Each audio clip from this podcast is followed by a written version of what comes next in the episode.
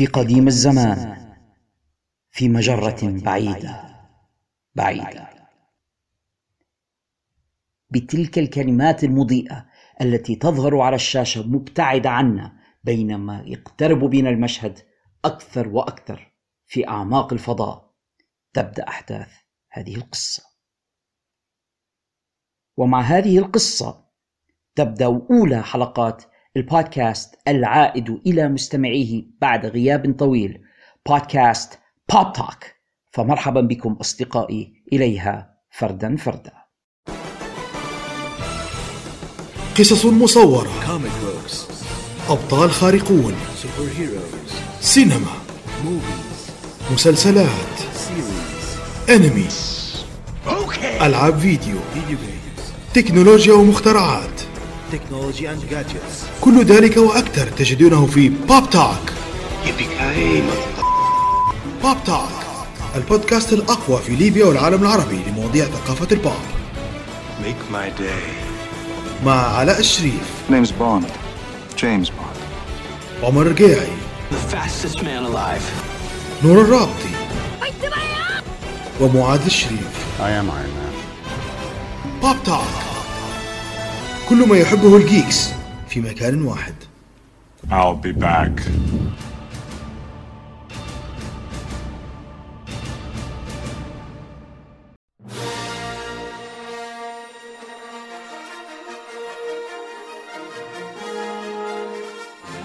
بسم الله الرحمن الرحيم أعزائي المستمعين في كل مكان. السلام عليكم ورحمة الله وبركاته. وأهلا وسهلا بكم إلى هذه الحلقة خلينا نسموها الأولى من بودكاست Pop Talk كل ما يحبه ال geeks اللي زيني وزيكم تحت سقف واحد. تأتيكم من استديوهات منزلي المتواضعة هنا في أعماق الفضاء قصدي هنا في عين زهرة بطرابلس الليبية معكم من هناك محدثكم Luke Sky آه، قصدي The Prof علاء الشريف.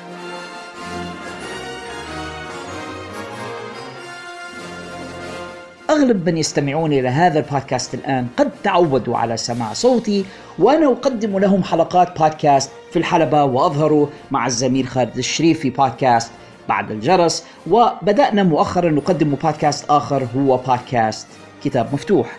ولكن القدامى من متابعي هذه السلاسل يعرفون بأن هناك بودكاست كنا قد أطلقناه أنا وزملائي عمر الرقيعي ونور الرابطي منذ عدة سنوات هو بودكاست بوب توك وهو بودكاست متخصص في كل ما يخص أمور الثقافة الشبابية كما استمعتم في مقدمة الحلقة، يعني نتكلم عن القصص المصورة والأفلام والمسلسلات وألعاب الفيديو وكل ما يمت إلى ذلك بصلة.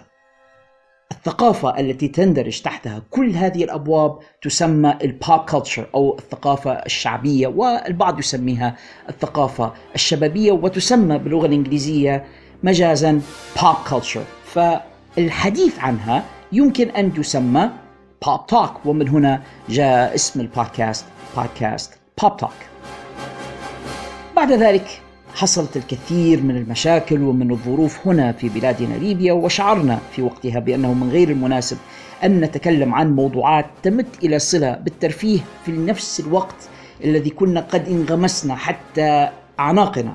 في موضوع المصارعة وتكون جمهور كبير متابع للمصارعة في ذلك الوقت ولم يكن بمقدورنا إيقاف بودكاست المصارعة في الحلبة. وبالتالي استمررنا مع بودكاست في الحلبة لأني كما أقول دائما عن موضوع المصارعة المصارعة لا تتوقف.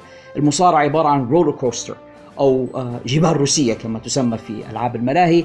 تصعد وتنزل وتصعد وتنزل ولا يمكنك ابدا الهبوط من عليها إلا بطريقة واحدة أن تنقطع عنها تماما، ماذا وإلا فإن المصارعة لا تتوقف على الإطلاق، الدوريات الأخرى والرياضات الأخرى لديها off seasons، إجازات موسمية غيرها إلا المصارعة مستمرة على طول، ولكن موضوعنا ليس موضوع المصارعة، موضوعنا هو Pop Talk والذي ارتأيت الآن وبعد مرور كل هذه الفترة بأنه ربما كان من المناسب أن أعود به من جديد ولم أجد تاريخا أفضل للعودة به ولا مناسبة أفضل من هذه المناسبة. الرابع من مايو هذا التاريخ الذي يقوم فيه بالتسجيل تسجيل هذه الحلقة.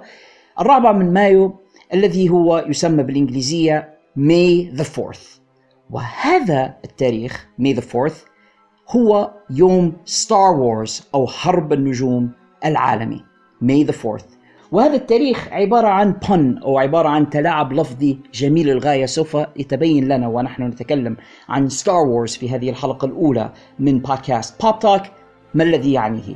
ف May the 4th هو كناية عن May the Force be with you وهذا أحد الشعارات المميزة جدا والتي اشتهرت ضمن سلسلة Star Wars هذه السلسلة العظيمة في مجال الخيال العلمي وأفلام الأكشن وأفلام الفانتازيا والذي أصبح في حد ذاته مدرسة اقتبست عنه عشرات إن لم نقل مئات الأعمال السينمائية والمسلسلات والقصص المصورة وأفلام الرسوم المتحركة وألعاب الفيديو وغيرها الكثير الكثير الكثير. Star Wars كانت نقطة التحول في عالم السينما، في عالم الخيال العلمي، في مجال ال pop culture. Star Wars واحدة من أكثر الأعمال التي أثرت في كل ما بعدها لما يقرب من خمسين سنة منذ انبلاجها في سنة 1977 فما هي الحكاية بالضبط؟ ما هي Star Wars ولماذا شكلت هذه الظاهرة في نفوس متابعيها في العالم؟ دعونا نتكلم عن الموضوع قليلا. لنبدأ أولا بمبدع هذا العمل المخرج والمؤلف الأمريكي جورج لوكاس والذي كان أحد الشباب الذين تأثروا في صباهم بأعمال الخيال العلمي التي كانت متاحة لمشاهدته هو في صباه وشبابه حيث أعجب كثيرا بسلسلة مغامرات شخصية اسمها Flash Gordon Flash Gordon كان هو بطل الخيال العلمي في زمانه في الخمسينات والستينات. كان هناك عمل آخر من هذا المجال هو Battlestar Galactica وأعجب جدا جورج لوكاس بهذين العملين وتمنى لو يستطيع إنتاج عمل سينمائي على هذا المنوال. مغامرات في الفضاء ومطاردات ما بين مركبات فضائية ومعارك بمسدسات تطلق أشعة الليزر. هو كان مهووسا بهذا العالم وأحب أن ينسج على منواله شيئا مشابها.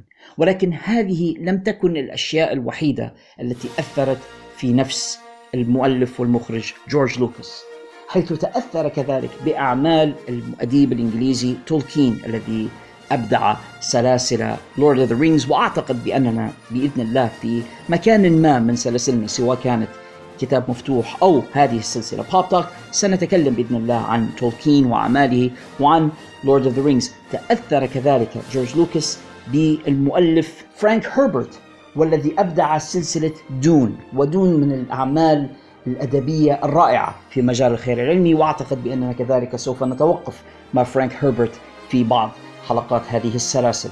تأثر به هو الآخر.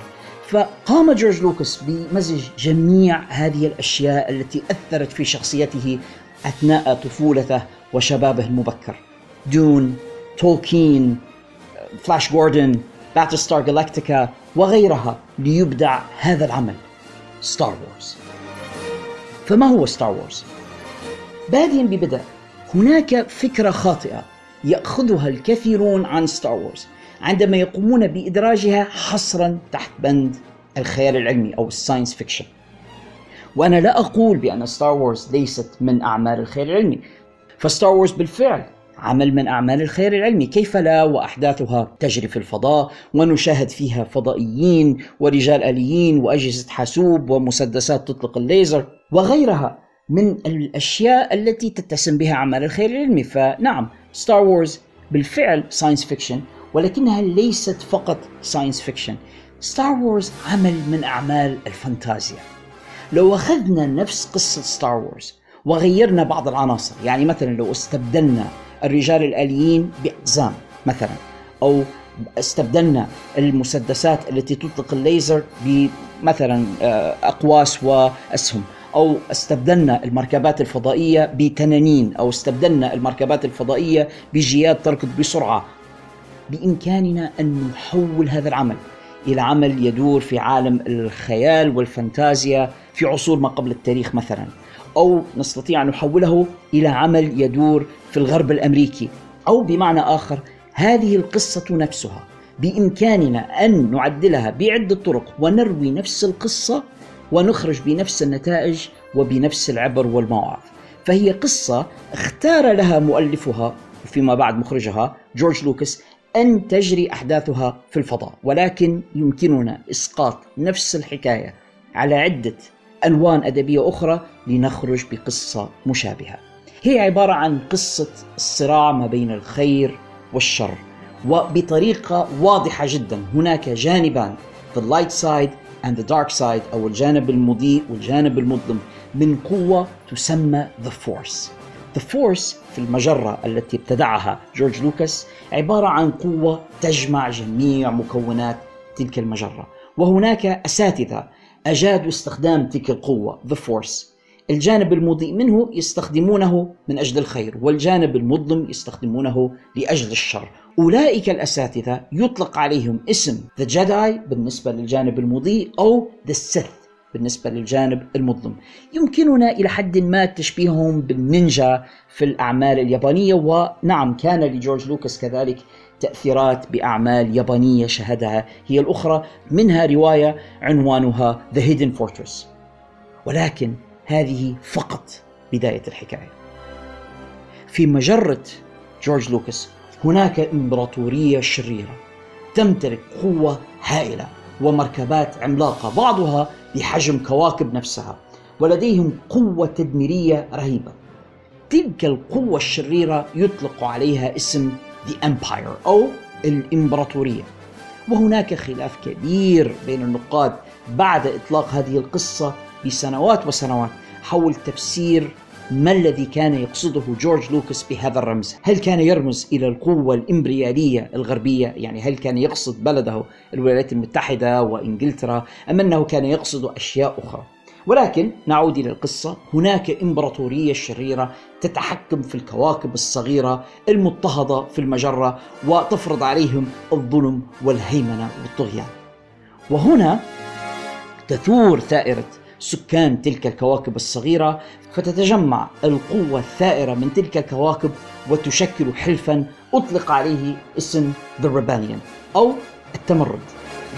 تلك القوة المتمردة كانت تقودها في الجزء الأول من هذه القصة أميرة اسمها برنسس ليا أو الأميرة ليا الأميرة ليا والتي يبدو بأنها من أصل نبيل ولديها الكثير من خصال الخير وهي التي اجتمع حولها قوى الثورة في تلك الكواكب واختاروها قائدة لهذا التمرد ضد الإمبراطورية الشريرة والتي يقودها فارس مظلم يتوشح بالسواد من رأسه إلى أخمص قدميه يطلق عليه اسم دارث فيدر. دارث فيدر أو commander فيدر هذا القائد الكبير قوات الإمبراطورية والتي يمتلك هو الآخر قوى the Force لأنه أجاد استخدامها بطريقة ما سوف نكتشفها خلال أحداث القصة وأصبح أحد أقوى فرسان the Sith على الجانب المظلم من the Force الآن الإمبراطورية تسعى لسحق التمرد لسحق قوات الثورة ولديهم مخططات لذلك حيث تمكنوا من صناعة مركبة فضائية ضخمة اسمها The Death Star نجمة الموت. هذه المركبة بحجم كوكب كامل وبمقدورها إطلاق أشعة إذا أصابت كوكبا حقيقيا آخر فبمقدورها محو تلك الكواكب من الوجود. الأميرة برنسس ليا تحاول إيصال هذه المعلومات إلى بقية قادة الثورة إلا أنها تقع أسيرة. ولكنها وقبل أن تقع في الأسر تتمكن أن تدس رسالة ضوئية تحمل صورتها وصوتها هولوغراميا نستطيع أن نقول في جسد أحد الرجال الآليين الصغار الذين كانت تملكه. تحديدا الآلي هذا اسمه R2D2 وتمكن R2D2 الآلي الصغير ومعه آلي آخر اسمه C3PO أن يهرب من المركبة الفضائية التي كانت تستقلها البرنسس ليا قبل أن يتم إلقاء القبض عليها وقتل من معها من الجنود الذين كانوا يحمونها. ليصل الآليان إلى كوكب صغير اسمه كوكب تاتوين وبعد مغامرات كثيرة جدا يصل الآليان إلى شاب من الكوكب اسمه لوك سكاي ووكر لوك هذا عبارة عن شاب صغير السن يعيش مع خاله وزوجة خاله في مزرعة صغيرة على كوكب تاتوين. وهناك على فكرة قصة طريفة لإطلاق هذا الاسم على الكوكب حيث صورت المشاهد الصحراوية لفيلم Star Wars في تطاوين التونسية فاختار جورج لوكاس أن يطلق اسم تاتوين على الكوكب الصحراوي. نعود لوك سكاي ووكر هذا شاب يعيش مع خاله وزوجة خاله على مزرعة صغيرة على كوكب تاتوين ويحلم بأن يصبح يوما ما قائدا لمركبة فيجد هذين الآليين اللذين يخبرانه بأنهما في مهمة لإيجاد رجل اسمه أوبي وان كنوبي من يكون أوبي وان كنوبي هذا؟ يفكر لوك ثم يتذكر بأن هناك بالفعل عجوز يعيش في مكان نائم من الكوكب اسمه بن كنوبي أيمكن أن يكون بن كنوبي هو نفسه أوبي وان؟ ويقوم لوك بإيصال الآليين إلى بن كنوبي الذي يتبين بالفعل بأنه أوبي وان كنوبي وبأنه أحد فرسان الجداي ومعلم من المعلمين ثم يخبر لوك بأنه يمتلك في داخله في أعماقه المقدرة أن يكون هو الآخر جداي ولكن عليه أن يتعلم منه من أوبي وان. لينطلق الاثنان أوبي وان ولوك في مغامرة صحبة الآليين لإيصال الآلي الذي يحمل الرسالة إلى قادة The Rebellion أو إلى قادة الثورة أو التمرد على الإمبراطورية. ومن أجل أن يصلوا إلى مكانهم يتعاملون مع أحد المهربين اسمه هان سولو. هذا الشاب هان سولو يمتلك مركبة فضائية من أسرع المركبات في المجرة ويساعده في قيادة تلك المركبة كائن غريب اسمه تشباكا هو مزيج ما بين الغوريلا والدب ويتلفظ بألفاظ غريبة غير مفهومة. الوحيد الذي يستطيع فهمها هو هان سولو. هان سولو هذا رجل مادي لا تهمه القضية كثيرا. كل ما يهمه في هذه المرحلة من القصة هو الحصول على أجرته مقابل إيصال الرجل العجوز والشاب والآليين إلى قادة الثورة ويطلب منهم مبلغا كبيرا من المال مقابل إيصالهم إلى هناك لأن هناك مخاطر كثيرة. لينطلق الجميع. لوك ومعه أوبي وان الآليان شوباكا وقائد المركبة هان سولو في مركبة عبر المجرة لإنقاذ الأميرة ولإيصال الرسالة وسط مطاردات من جواسيس الإمبراطورية الذي يرسلهم في إثرهم دارث فيدر. القصة رائعة. وأثناء هذه الرحلة نتعرف على تفاصيل كثيرة جدا في قصة Star Wars أو حرب النجوم. نكتشف فيما بعد بأن لوك بالفعل بإمكانه أن يصبح أحد فرسان the Jedi حيث يبدأ أوبي وان في تدريبه. ومن هناك تبدأ المعارك ما بينه وبين دارث فيدر الذي يبدي اهتماما غريبا بهذا الشاب. هذا الشاب الذي يشعر دارث فيدر بأن هناك شيء يربطه به. وفي الآن نفسه يحاول العجوز أوبي وان حماية لوك من أن يقع في أيدي دارث فيدر لأنه يعلم بأنه إذا تمكن دارث فيدر من أن يتحكم في لوك بأنه يستطيع تحويله إلى الجانب الآخر.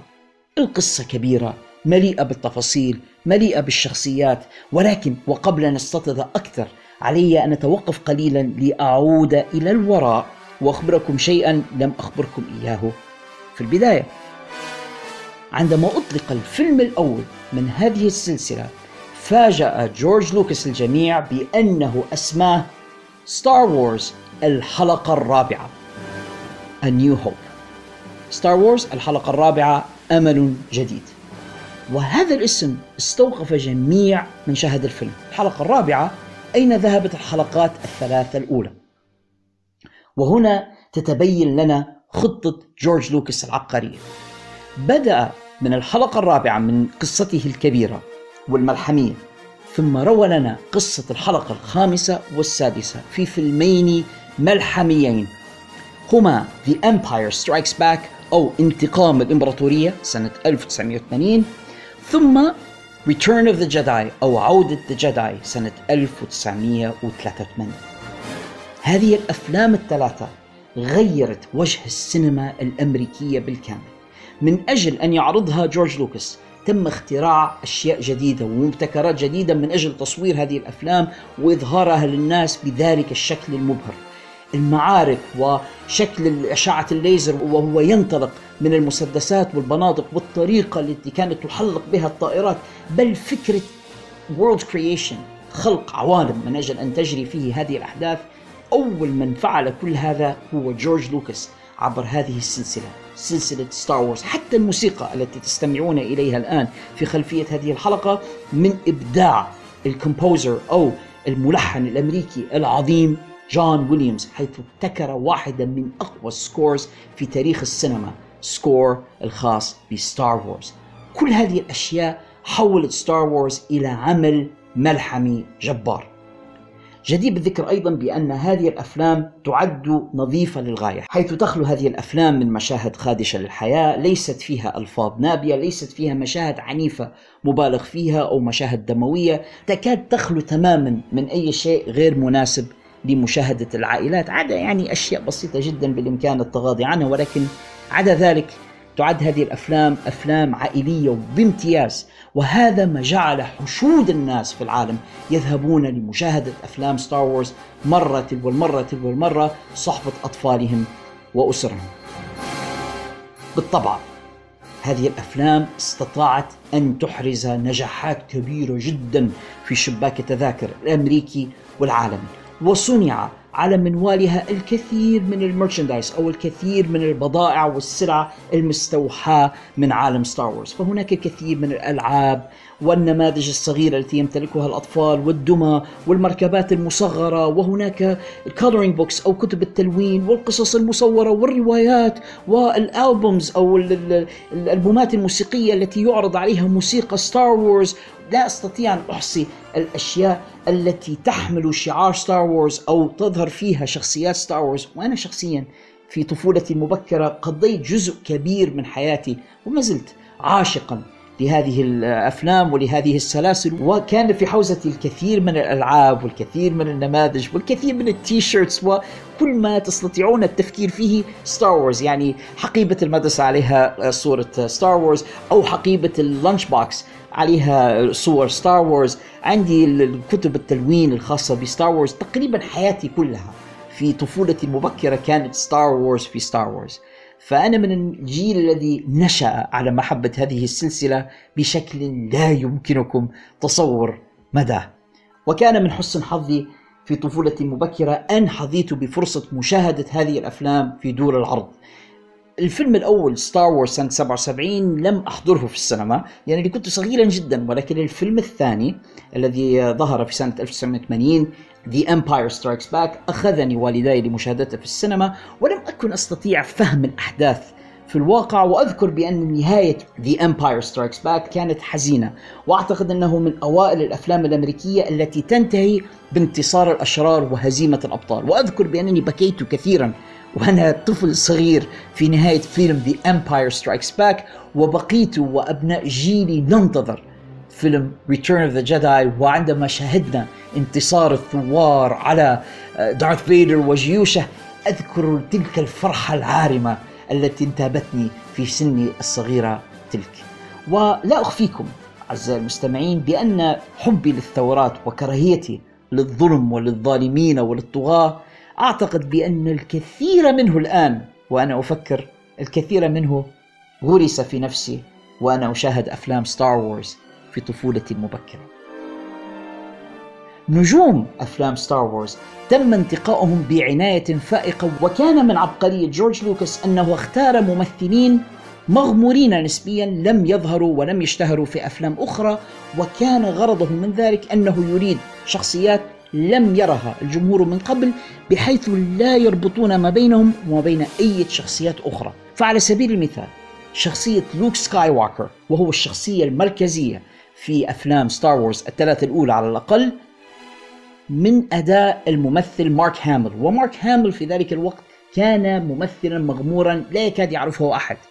هان سولو أدى دوره الممثل هاريسون فورد الذي أصبح بعد ذلك من أكبر نجوم هوليوود. بعد أدائه لدور هان سولو وبعد ذلك مثل في أفلام إنديانا جونز ومن هناك انطلق هاريسون فورد وأعتقد بأنه أصبح واحدا من أكبر نجوم السينما في العالم وأعتقد شخصيا بأنه أكثر واحد نجح من ال cast أو من الطاقم الأساسي ل Star Wars بعد ذلك. لأنني لم أرى بعد ذلك مارك هامل كثيرا واشتهر فيما بعد أكثر بأداء الشخصيات الصوتية وتحديدا أداءه لصوت The Joker في سلسلة الرسوم المتحركة الخاصة بباتمان وأبدع مارك هاميل في ذلك ولكنه لم يشتهر كثيرا بعد Star Wars في أفلام أخرى.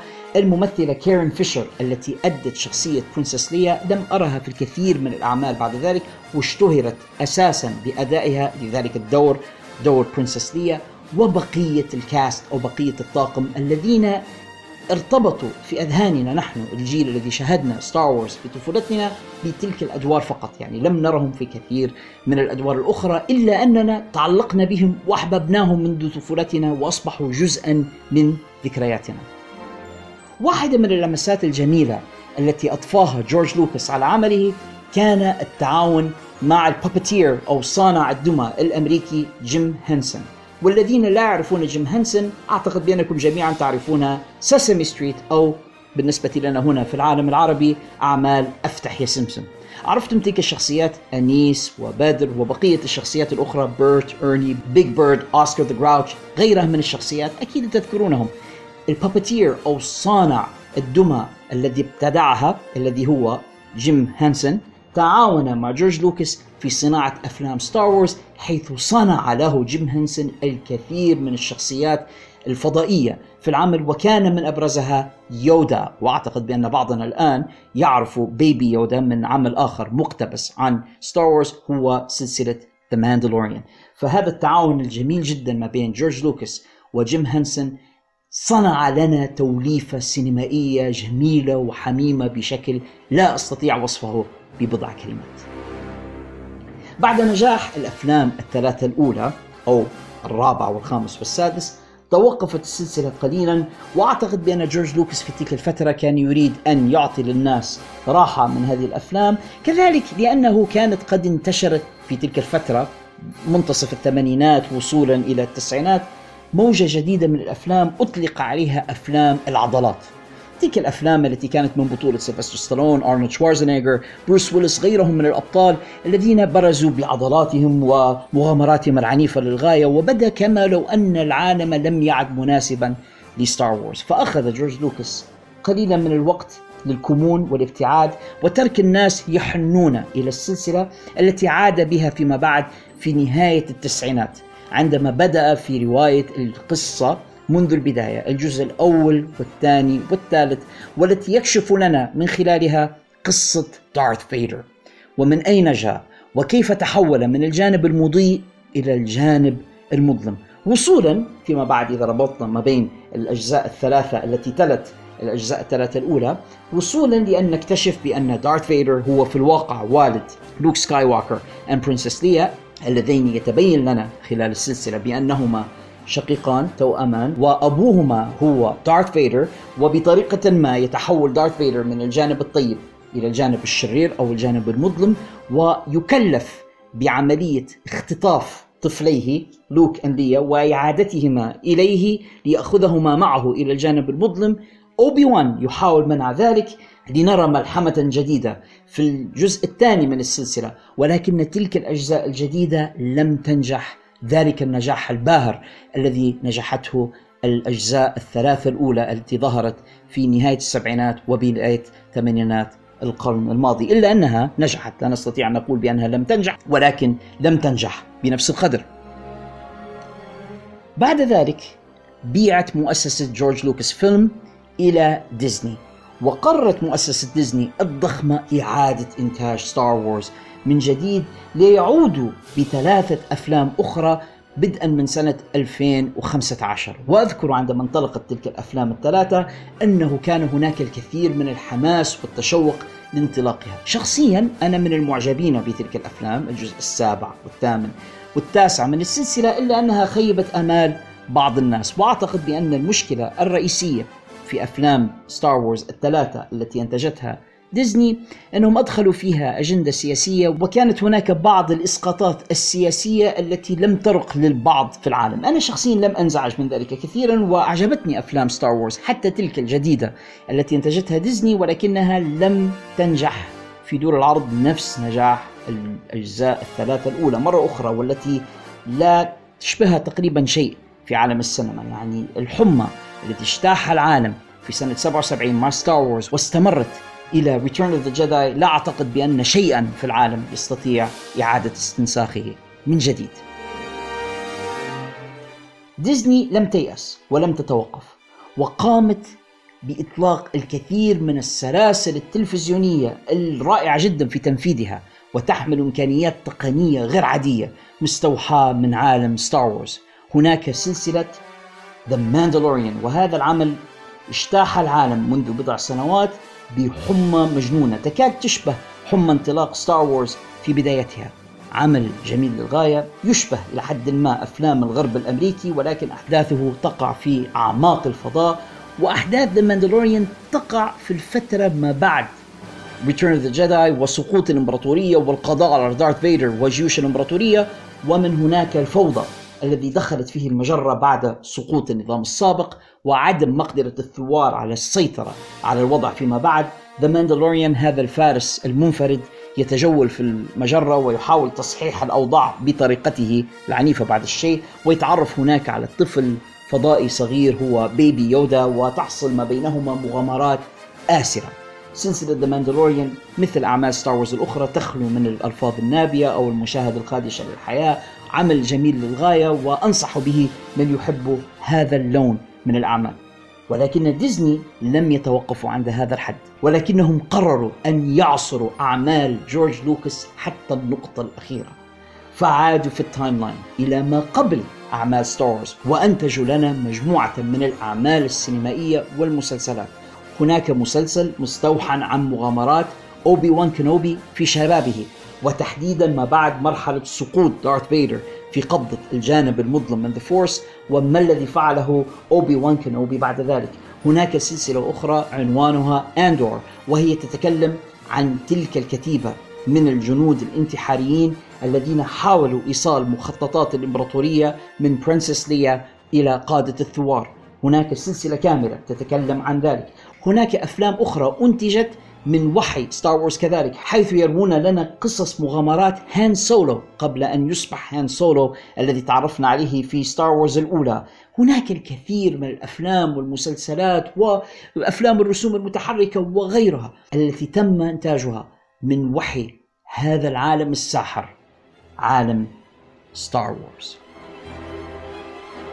ففي يومه يوم Star Wars العالمي أقول لمستمعي في كل مكان May the 4th أو May the Force be with you. أتمنى أن تكونوا قد استمتعتم أحبتي بهذه الحلقة الأولى من بودكاست بوب توك والتي أرجو أن أكون قد صالحتكم من خلالها على انقطاعنا الطويل عن تقديم مثل هذه الحلقات. وأعدكم بإذن الله بأننا سوف نقدم المزيد من الحلقات ضمن هذه السلسلة سلسلة بوب توك وسنناقش من خلالها مختلف مثل هذه الأعمال.